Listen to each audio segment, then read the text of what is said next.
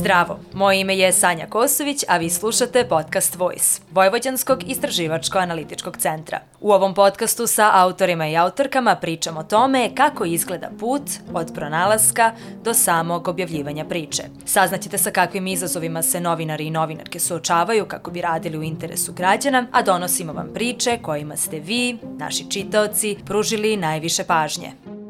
Za nešto više od nedelju dana, 24. februara, bit će obeleženo godinu dana od početka rata u Ukrajini, ili, kako proruski mediji to nazivaju, specijalna vojna operacija. Tokom ove godinu dana u digitalnom javnom prostoru dezinformacije o koronavirusu i vakcinama zamenile su dezinformacije upravo o tom ratu, zajedno sa proruskom propagandom. U novoj epizodi Voice podcasta pričam sa novinarom Daliborom Stuparom o njegovom tekstu pod naslovom Strah i nepoverenje kod Ukrajinaca u Vojvodini i Srbiji zbog proruske propagande, koji je kreirao uz pomoć odgovora građana na ECR anketi. Zdravo Stupsi, dobrodošao. Zdravo, bolje te našao.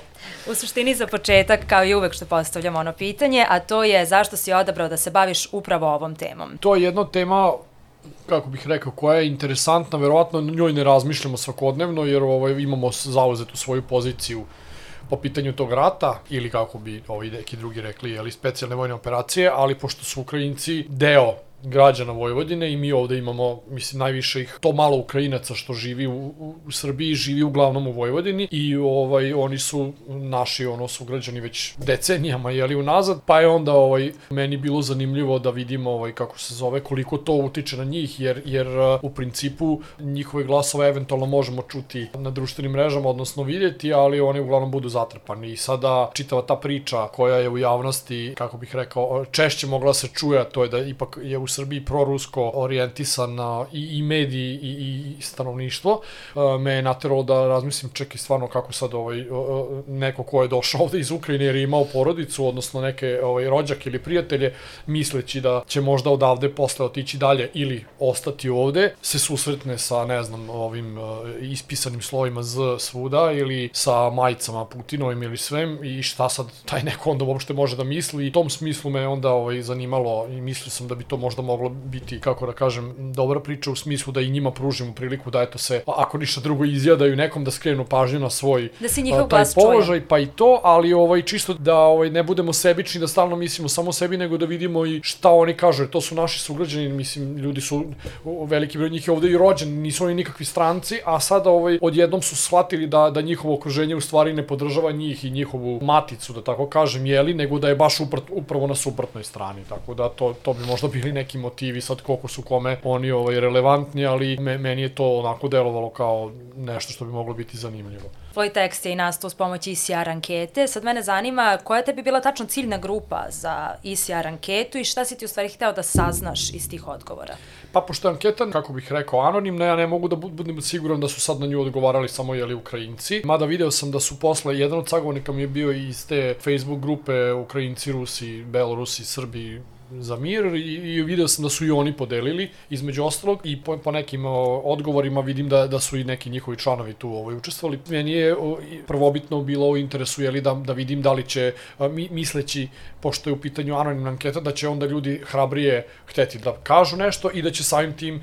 jeli ti Ukrajinci koji žive ovde eto ovaj nekako o, smoći snage da da ovaj kažu ono što ih tišti znajući da je to ipak anonimno i da neće ih niko prozivati i veliki broj u stvari najveći broj njih nije ni, iako postoji mogućnost da se ostavi kontakt, nije ostavio kontakt, par nekih jesu, što znači da su bili spremni da pričaju možda i, i više, međutim, ja sam tako koncipirao tekst da nisam ovaj, ih dodatno, dodatno ovaj, maltretirao, da tako kažem, po znacima navoda. Kažem, meni je to bila neka ideja da vidimo da, da, da im ta anonimnost ipak dozvoli da, da nešto kažu i šta ih tišti i da, da čisto nam daju taj uvid kako oni gledaju na, na čitavu našu medijsku situaciju, jer su u pitanju ipak ovde mediji koji šire tu propagandu, a sad da li sam dobio 100% ta, tačne i precizne odgovore, to nikad nećemo saznati. E sad, šta su oni u stvari rekli? Kako se oni informišu? Kako oni gledaju na to? Kako se oni uopšte osjećaju u ovoj celoj atmosferi? Da, pa kao što smo i napisali, ovaj, na svu sreću, nije bilo do sada, evo, još malo pa godinu dana, nije bilo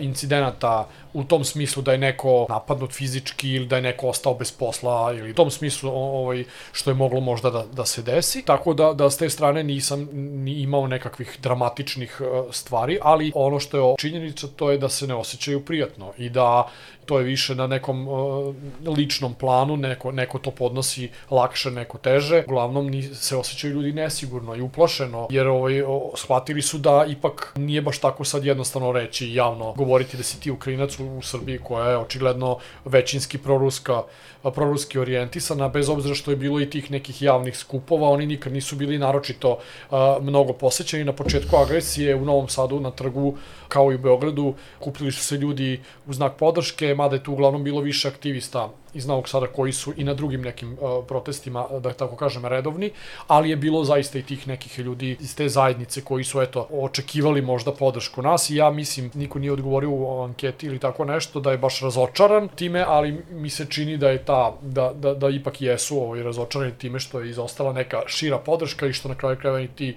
neki protesti nisu ovaj zaživeli duže i više. Jeste da je bilo tokom cele godine nekakvih dešavanja, tribina povremeno, eventualno o, sagovornici su mi rekli da su oni čak imali neke humanitarne akcije, da pomognu svojim sunarodnicima i sve to je prošlo bez, kažem, opet fizičkih incidenata, ali ovo, ta psihoza koja je svakodnevno prisutna, njih ne, nervira, da tako kažem, i plaši, tako da je to nekako, zato smo tako i, i u principu se i držali toga da, da, da su oni da strahuju, eto, jednostavno, zato što nikad ne znaju kada će biti pređena granica i da li će na sledećem nekom skupu se pojaviti nekakvi desničarski, proruski aktivisti, pa makar da, da se verbalno sukobe sa njima ili možda i fizički. A i ono što je meni bilo zanimljivo iz tvog teksta, da i tvoji sagovornici, posebno oni koji su iz, baš iz one, iz one grupe o kojoj smo razgovarali, i oni relativno često doživljavaju neki vid pretnji. Sad možda malo više i o tome da mi kažeš kakve pretnje su oni doživljavali. Što se tiče te grupe, to su uglavnom ovaj, pretnje. Oni su sada, evo, ovaj, valjda, ohrabreni time, nakon što je tekst objavljen, sagovornik mi je rekao da, da oni skupljaju pretnje od prvog dana i da, da ih svakodnevno imaju bar 10 i da su uglavnom ovaj, usmerene ka administratorima te stranice, jer ih ne nervira, pošto njihova bitka jeste da na svojoj stranici objavljuju vesti stvarne, znači da pokušavaju da, da, da raskrinkaju te neke lažne vesti koje se tiču Ukrajine i onda naravno dobijaju komentare koji su takvi kakvi su, ali onda dodatno još u, te, u njihove inboxe stižu i pretnje, jer, jer očigledno da ljudi ovde ovaj, ne mogu da podnesu da sad neko živi u Srbiji i, i kontra zvanične politike i zvaničnog narativa govori i iznosi nekakve činjenice. I oni sad, on, oni meni nisu ovaj nabrajali konkretno, rekli su samo da, da oni prikupljaju i da će videti da možda nadležne u jednom momentu obaveste o tome, kao i relevantne evropske organizacije. Međutim, nakon što je tekst objavljen, možda naredne nedelje sam video da su e, i počeli da objavljuju print screenove sa baš konkretnim nekim pretnjama gde ljudi mm -hmm. sad njima mhm. prete, gde govore svašta, ono, kako to već kod nas ide da, Naravno. da ih treba proterati, pobiti ili zapaliti ili tako već neke stvari kako ovaj, oni ako im se ne sviđa što su onda došli u Srbiju i sve bez obzira što ljudi žive ovde možda generacijama. Tako da to je taj standardni ovaj nivo pretnji koji dobija, dobija bilo ko kada se suprotstavi ali tom jer dolaze u, u principu iz tog nekog miljeja desničarskog i proruskog. Kažem ne bih sada ovaj citirao ni jedno, ali koga zanima može da da ode na tu stranicu jer su kažem počeli sada da objavljuju te print screenove gde se tačno da ljudi pod svojim imenom i prezimenom na, na Facebooku eto sad slikaju se sa suprugom ili sa decom ili sa ne znam čime, a onda usput ono napišu neku pretnju Ukrajincima jer ih nervira što sad oni uopšte postoje. Takav je bar moj utisak. Poslušajmo nekoliko odgovora koje je Dalibor dobio putem ICR ankete. Ljudi misle da je Ukrajina nova NDH. Na mene takve vesti utiču poražavajuće. Značajna većina u mojoj okolini podržava rusku agresiju na Ukrajinu. Na mene ne utiču takve vesti previše. Živela sam u Rusiji i znam kako funkcioniše njihova propaganda. Ljudi oko mene postaju nesposobni da se pomire sa tim da sve u što su verovali proteklih decenija nije u stvari istina i veruju da ih svi lažu. Postoji povećana paranoja u društvu. Pored uh, Ukrajinaca koji su, da kažeš i ti sam rekao, koristili anketu kao venti ili podelili svoje iskustvo, imao si i neka malo drugačija iskustva. Sad možda malo više o tome da mi kažeš. Da, pa to mi je bilo zanimljivo. U principu dva, dva su odgovora bila samo, ovaj, kako bih nazvao, proruska, mada uh, ja, ja sam u stvari njih uh, protumačio upravo kao žrtve te propagande, jer, jer ta, ta, tačno u tim odgovorima je bilo jasno da sad, ne znam, ovaj kaže da, čita, da gleda uh, televiziju Happy, da gleda, da, da najviše veruje njoj, da, da gleda RTS i druge, da tabloide ne čita i onda ne znam u trećem, u nekom pitanju u kojem ja, ovaj, u, to jest, u kojem ih anketa pita, jeli, ovaj, da li su ti mediji proruski uh, i da li su u toku godine od početka rata promenili način izveštavanja, onda taj neko isto kaže, pa ne, oni su proruski od uvek, mislim. I sad, znači, on shvata da su oni proruski, ali očigledno je da njemu to prija i onda koriste te izraze ukronacisti ili ne znam, znači, bukvalno one izraze koji se koriste u tim pričama gde se pokušava predstaviti da je Rusija, eto, imala potrebu da reaguje, jer tamo su neki, tamo je neki zli režim ukronacistički koji sad ovaj, ugrožava jadne Ruse i sad Rusi moraju da, da ovaj, kako se zove, reaguju, a naravno niko se tu nije, ne osvrće na to da šta je sve bilo i ranije i da je taj Krim aneksiran i sve ostalo jer, jer ovo jednostavno drže tu stranu. I iz tih odgovora smo, smo videli upravo te stvari koje, na koje smo ih hteli da skrenemo pažnju. Znači da, da, da očigledno ta svakodnevna priča i ovaj, medija pali i da oni u stvari tačno stoje, na, zastupaju tu stranu da, da ovaj, čak je rekao, ja, na kraju kada je bilo ostavite nam kontakt ako želite, on je rekao pa ako ste vi tu, ako vi podržavate ukrajinsku politiku, onda ne mogu da vam ostavim kontakt kao da, u tom Jasne. smislu. Pa kao i sad ja treba da mu odgovorim nešto, valjda ne znam. Tako da iz tih odgovora i u tome kako se zove, pošto nisu odgovori na anketu samo da se zaokružuju, nego ljudi su mogli da napišu šta že, a onda smo videli da, da je taj neko upravo taj koji podržava tu zvaničnu, praktično prorusku uh, priču, odnosno ja, ja bih to ipak nazvao propagandom, ali, ali ajde,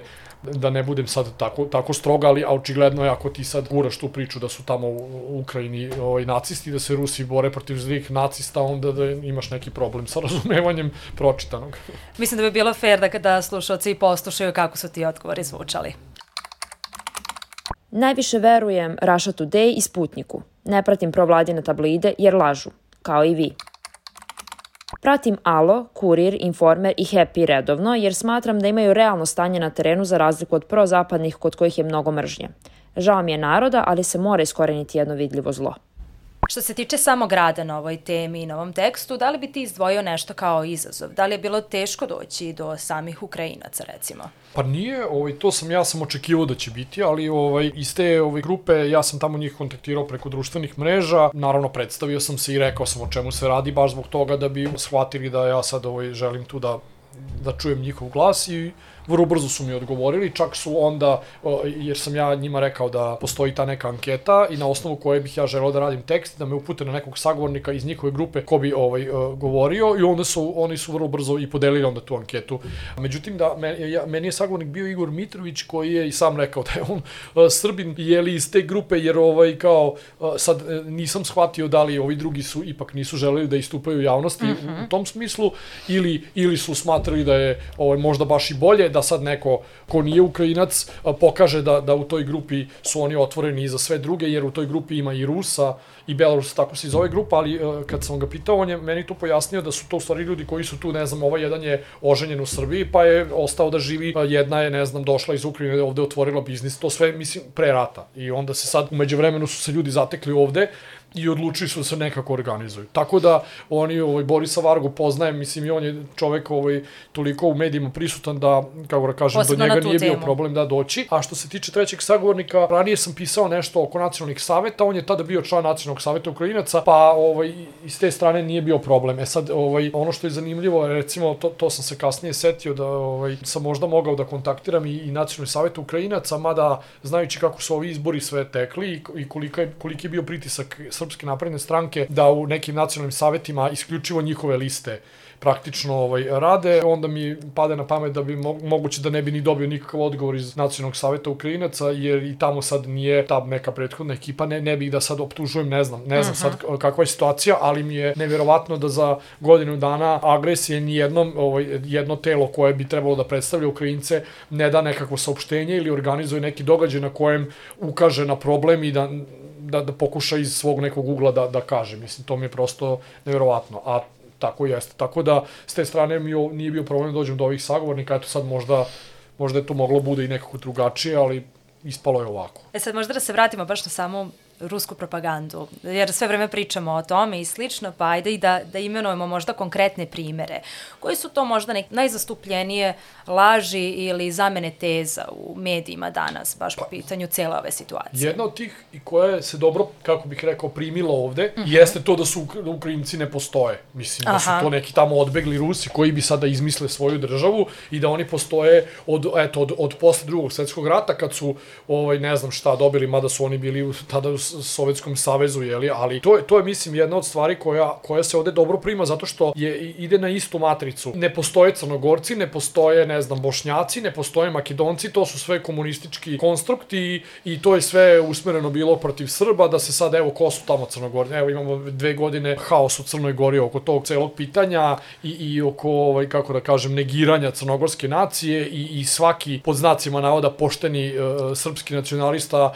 uh, će vam reći ono, ono što smo se nekad zezali sa Šešeljem i njegovih, njegovim onim pričama kako su Hrvati u stvari Srbi katoličke veroispovesti, da, a Bošnjaci da. Srbi muslimanske. E, tako, tako, to se sad, to više nije nikakva sprdnja, to je zaista ono uvreženo mišljenje, oni svi misle da su crnogorci Srbi koji sad, eto, Tito izmislio crnogorce i zato se to dobro primilo ta priča da su Ukrajinci ne postoje kao šta, kakvi Ukrajinci, to je sve Rusija bilo i sad oni tu nešto izmišljaju svoju naciju, na primjer. Druga stvar, recimo, oko tog Krima, kada ljudi ljudi kažu čekaj ovi, ovi su sad anektirali Krim, onda odmah se pa to je od, od uvek bilo rusko. A onda mislim kad ljudi pokušaju da im objasne da je od uvek bilo da nije bilo od uvek, nego da je bilo perioda kad zavisi kako je bilo i ta uh, ruska imperija koliko se širila i gde su je bile granice, onda to nekako ne može da da da prođe zato što je to toliko se podrazumeva jer jer se taj narativ stalno gura. I onda ono što je isto recimo do, do, to sam primetio prateći medije dosta je ovaj bilo kako bih rekao prihvaćeno da postoje te neke laboratorije, biolaboratorije, mm. jer se to tačno nadovezalo na COVID. A da, to uvek ide lepi se jedno na drugo. Kad je krenuo rat, odma, odma ti isti ljudi koji su ovde bili teoretičari zavere protiv vakcina, su samo se prebacili, e, sad će da vide ovi iz zapada imaju biolaboratorije po Ukrajini, evo sad, samo što nije sad kad Rusi zauzmu Donbas, samo će da razotkriju sve laboratorije. I evo 360, koliko, 350 dana rata još nije ni pokazana ni jedna laboratorija, a ovi Rusi su među vremenu uništili tamo te gradove, zauzeli dobar deo deo teritorije i niko nije pokazao ni jedan snimak ni jedne laboratorije, znači ne postoji. Isto, jedna od stvari je kod tih koji pravdaju rat je kao ne, ne, ne, NATO je kriv, NATO je nateror Ukrajince da u stvari zarate sa svojom braćom Rusima. Mm -hmm. Mislim, u tom narativu sad jedan put Ukrajinci postoje i ratuju sa braćom Rusima. Znači, u prethodnom narativu imamo da Ukrajinci ne postoje,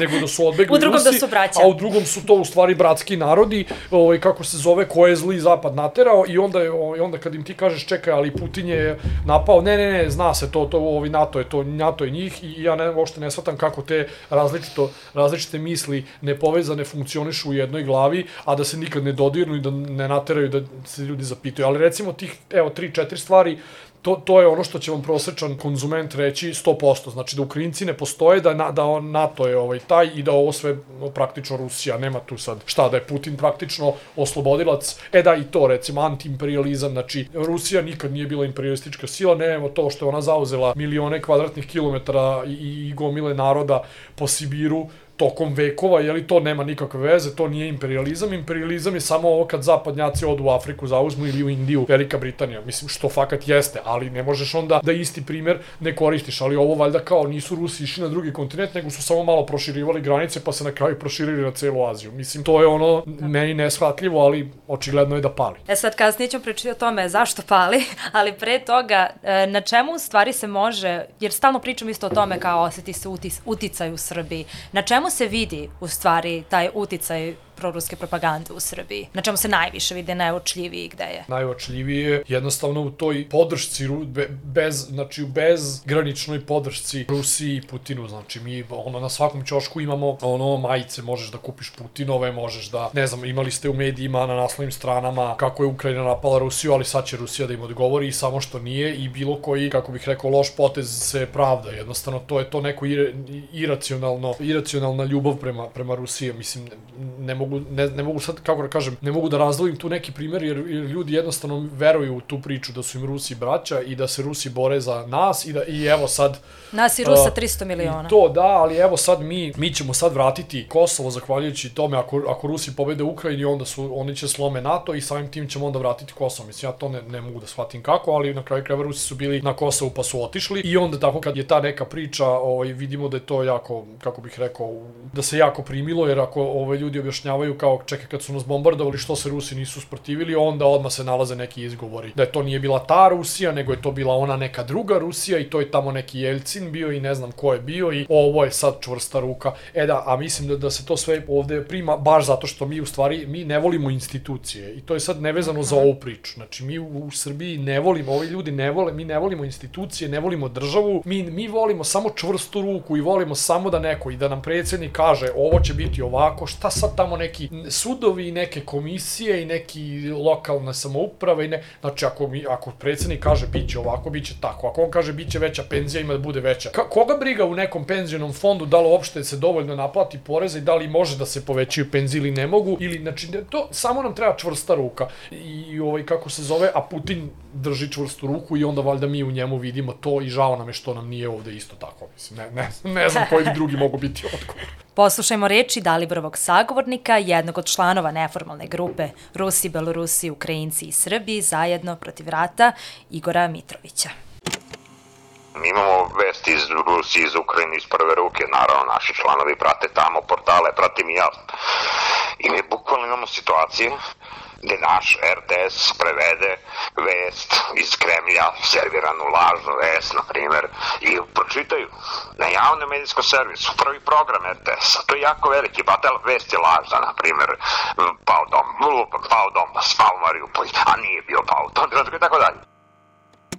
Evo upravo je i on rekao da čak i javni servis, eto, nekada deli dezinformacije i sad mene zanima baš kroz rad na ovom tekstu na koje sve načine se uopšte šire te dezinformacije i ta ruska propaganda. Društvene mreže su ovde broj jedan, ali ovaj, i mediji, nažalost, sa nacionalnom frekvencijom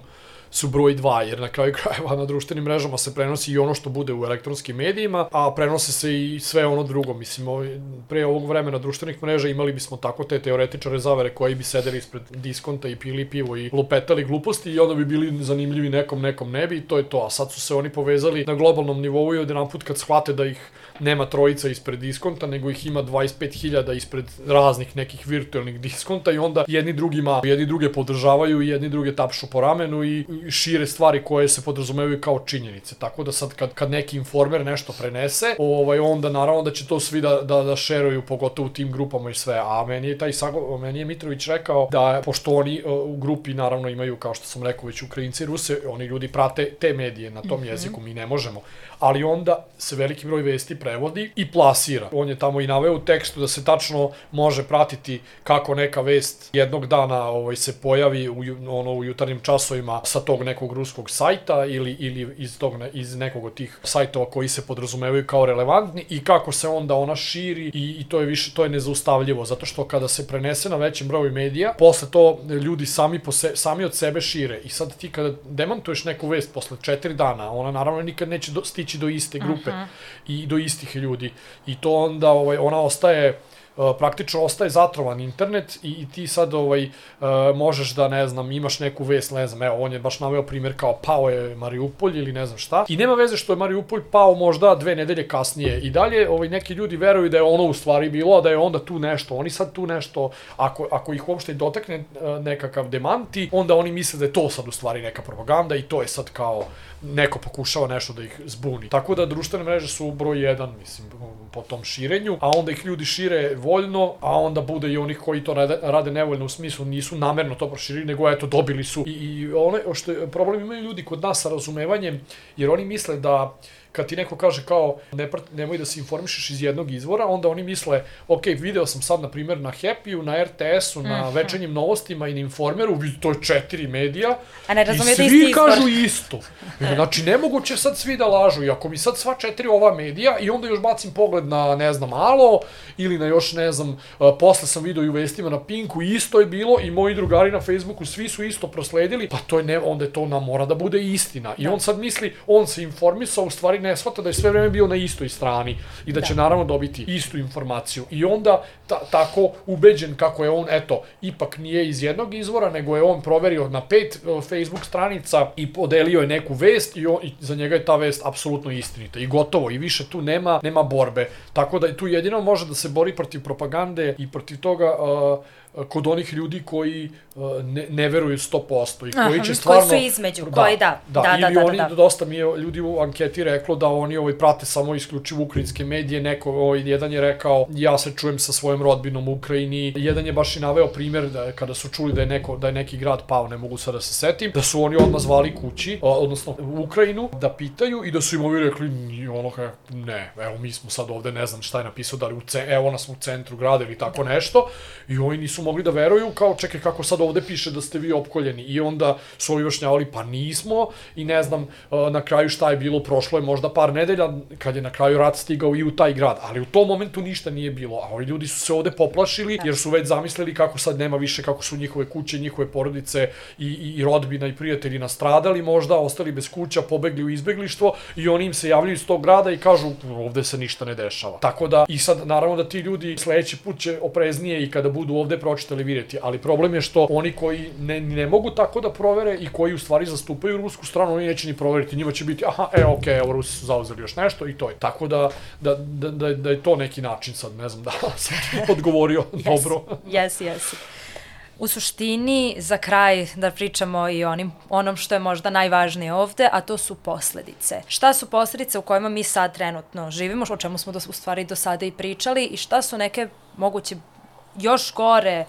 posledice koje možemo da očekujemo ako se ovako nastavi? Verovatno postoji mnogo, mnogo ovaj posledica ovaj, za koje možda nismo ni svesni, jer na kraju krajeva, eto, dok se ja nisam bavio o, ovim tekstom, nisam ni razmišljao kako je, mogo sam samo eto da, da pomislim, evo vidi sad, pre Exita su ispisali ceo case slovom Z i sad neki, neko ko živi ovde novosađani na Ukrajinac je poreklom, Znači, ne da mu nije bilo sve jedno, nego mu je ono verovatno bilo tog dana zlo. Bio je i popis ove godine, baš me zanima kada budu objavljeni rezultati u odnosu na prethodni popis, da li ćemo imati više Ukrajinaca ili manje, da li je ova psihoza delovala na njih, kako da. se zove, pa da se nisu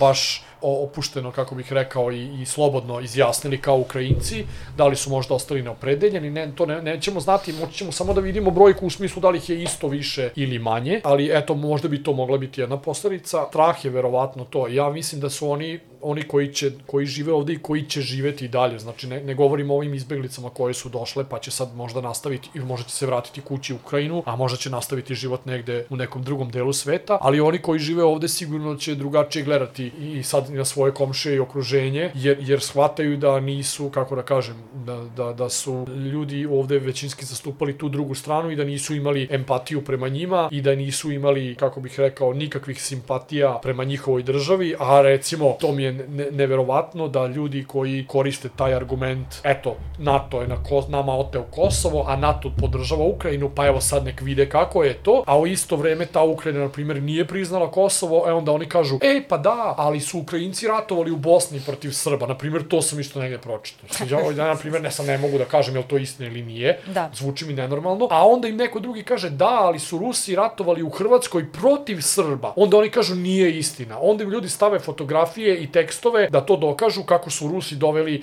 prodali Hrvatima helikoptere i da su da. Uh, ruski piloti, ne samo dok su obučavali hrvatske pilote, nego dok ih nisu obučili su učestvovali u borbenim dejstvima, e onda oni kažu pa to nije, to je propaganda. Kao sad, kao, mislim, da, da, da. A, a imaš isečak iz hrvatskog medija, neko je slikao, ne znam, od pre 25 godina. I sad, sad mi onda to nije jasno kako sad neko može da, da bude toliko samouveren, da, da ovamo bez dokaza deli neke stvari, a kad mu preočiš dokaza nešto drugo, on te to, on te etiketira da si ti propaganda i čao. Tako da, ne znam, mislim, pretpostavljam da niko od nas ne može da bude siguran koje sve posledice, ali posledice da smo mi dodatno zatrovani sa te strane ovaj, stoje, jer, jer ka, opet kažem, ovo se sve nadovezalo na tu priču o koroni, o vakcinama, evo sad imamo epidemiju boginja, imamo sramotno mali, mali broj vakcinisanih i protiv, tog, protiv tih, kako bih rekao, legitimnih, znači ono, decenijama se vakcinišemo protiv morbila i ne znam koje sve idu po redu, imam, imam čerku, ali smo obavili sve vakcine, tako da sam već zaboravio ono ko, da. šta smo sve išli i sad odjedan put i to u, u, nam je u problem. Ajde, ako, ako ovde možeš da, da se zapitaš, svako realan bi mogao da se zapita da kaže čekaj, ok, godinu dana je prošlo, 7 meseci od covida, pa se pojavila neka vakcina, pa sve, ali e, napreduje nauka. Kako da kažem, nije da. se, nije, i, ta, i ta korona je povezana sa nekim drugim, ona je samo mutacija, znači da i ti onda vakcinu tvoju možeš neku da mutiraš, mislim, pa može da prođe za 9 meseci da se pojavi vakcina, ne moraš da čekaš 20 godina, ali a, čak i te neke realne stvari onda ljudi multipliciraju i izmišljaju i na kraju ti više ne možeš i to je možda, eto, eto možda sam i odgovorio nesvesno, je posledica da ti u stvari u toj šumi a, a, laži više ne znaš ni kome da veruješ. Istina je možda žrtva u stvari najveća, bez obzira što će ovaj rat kad tad proći, ali ljudi će dalje misliti isto i sutra ćemo imati neku i neku, evo sad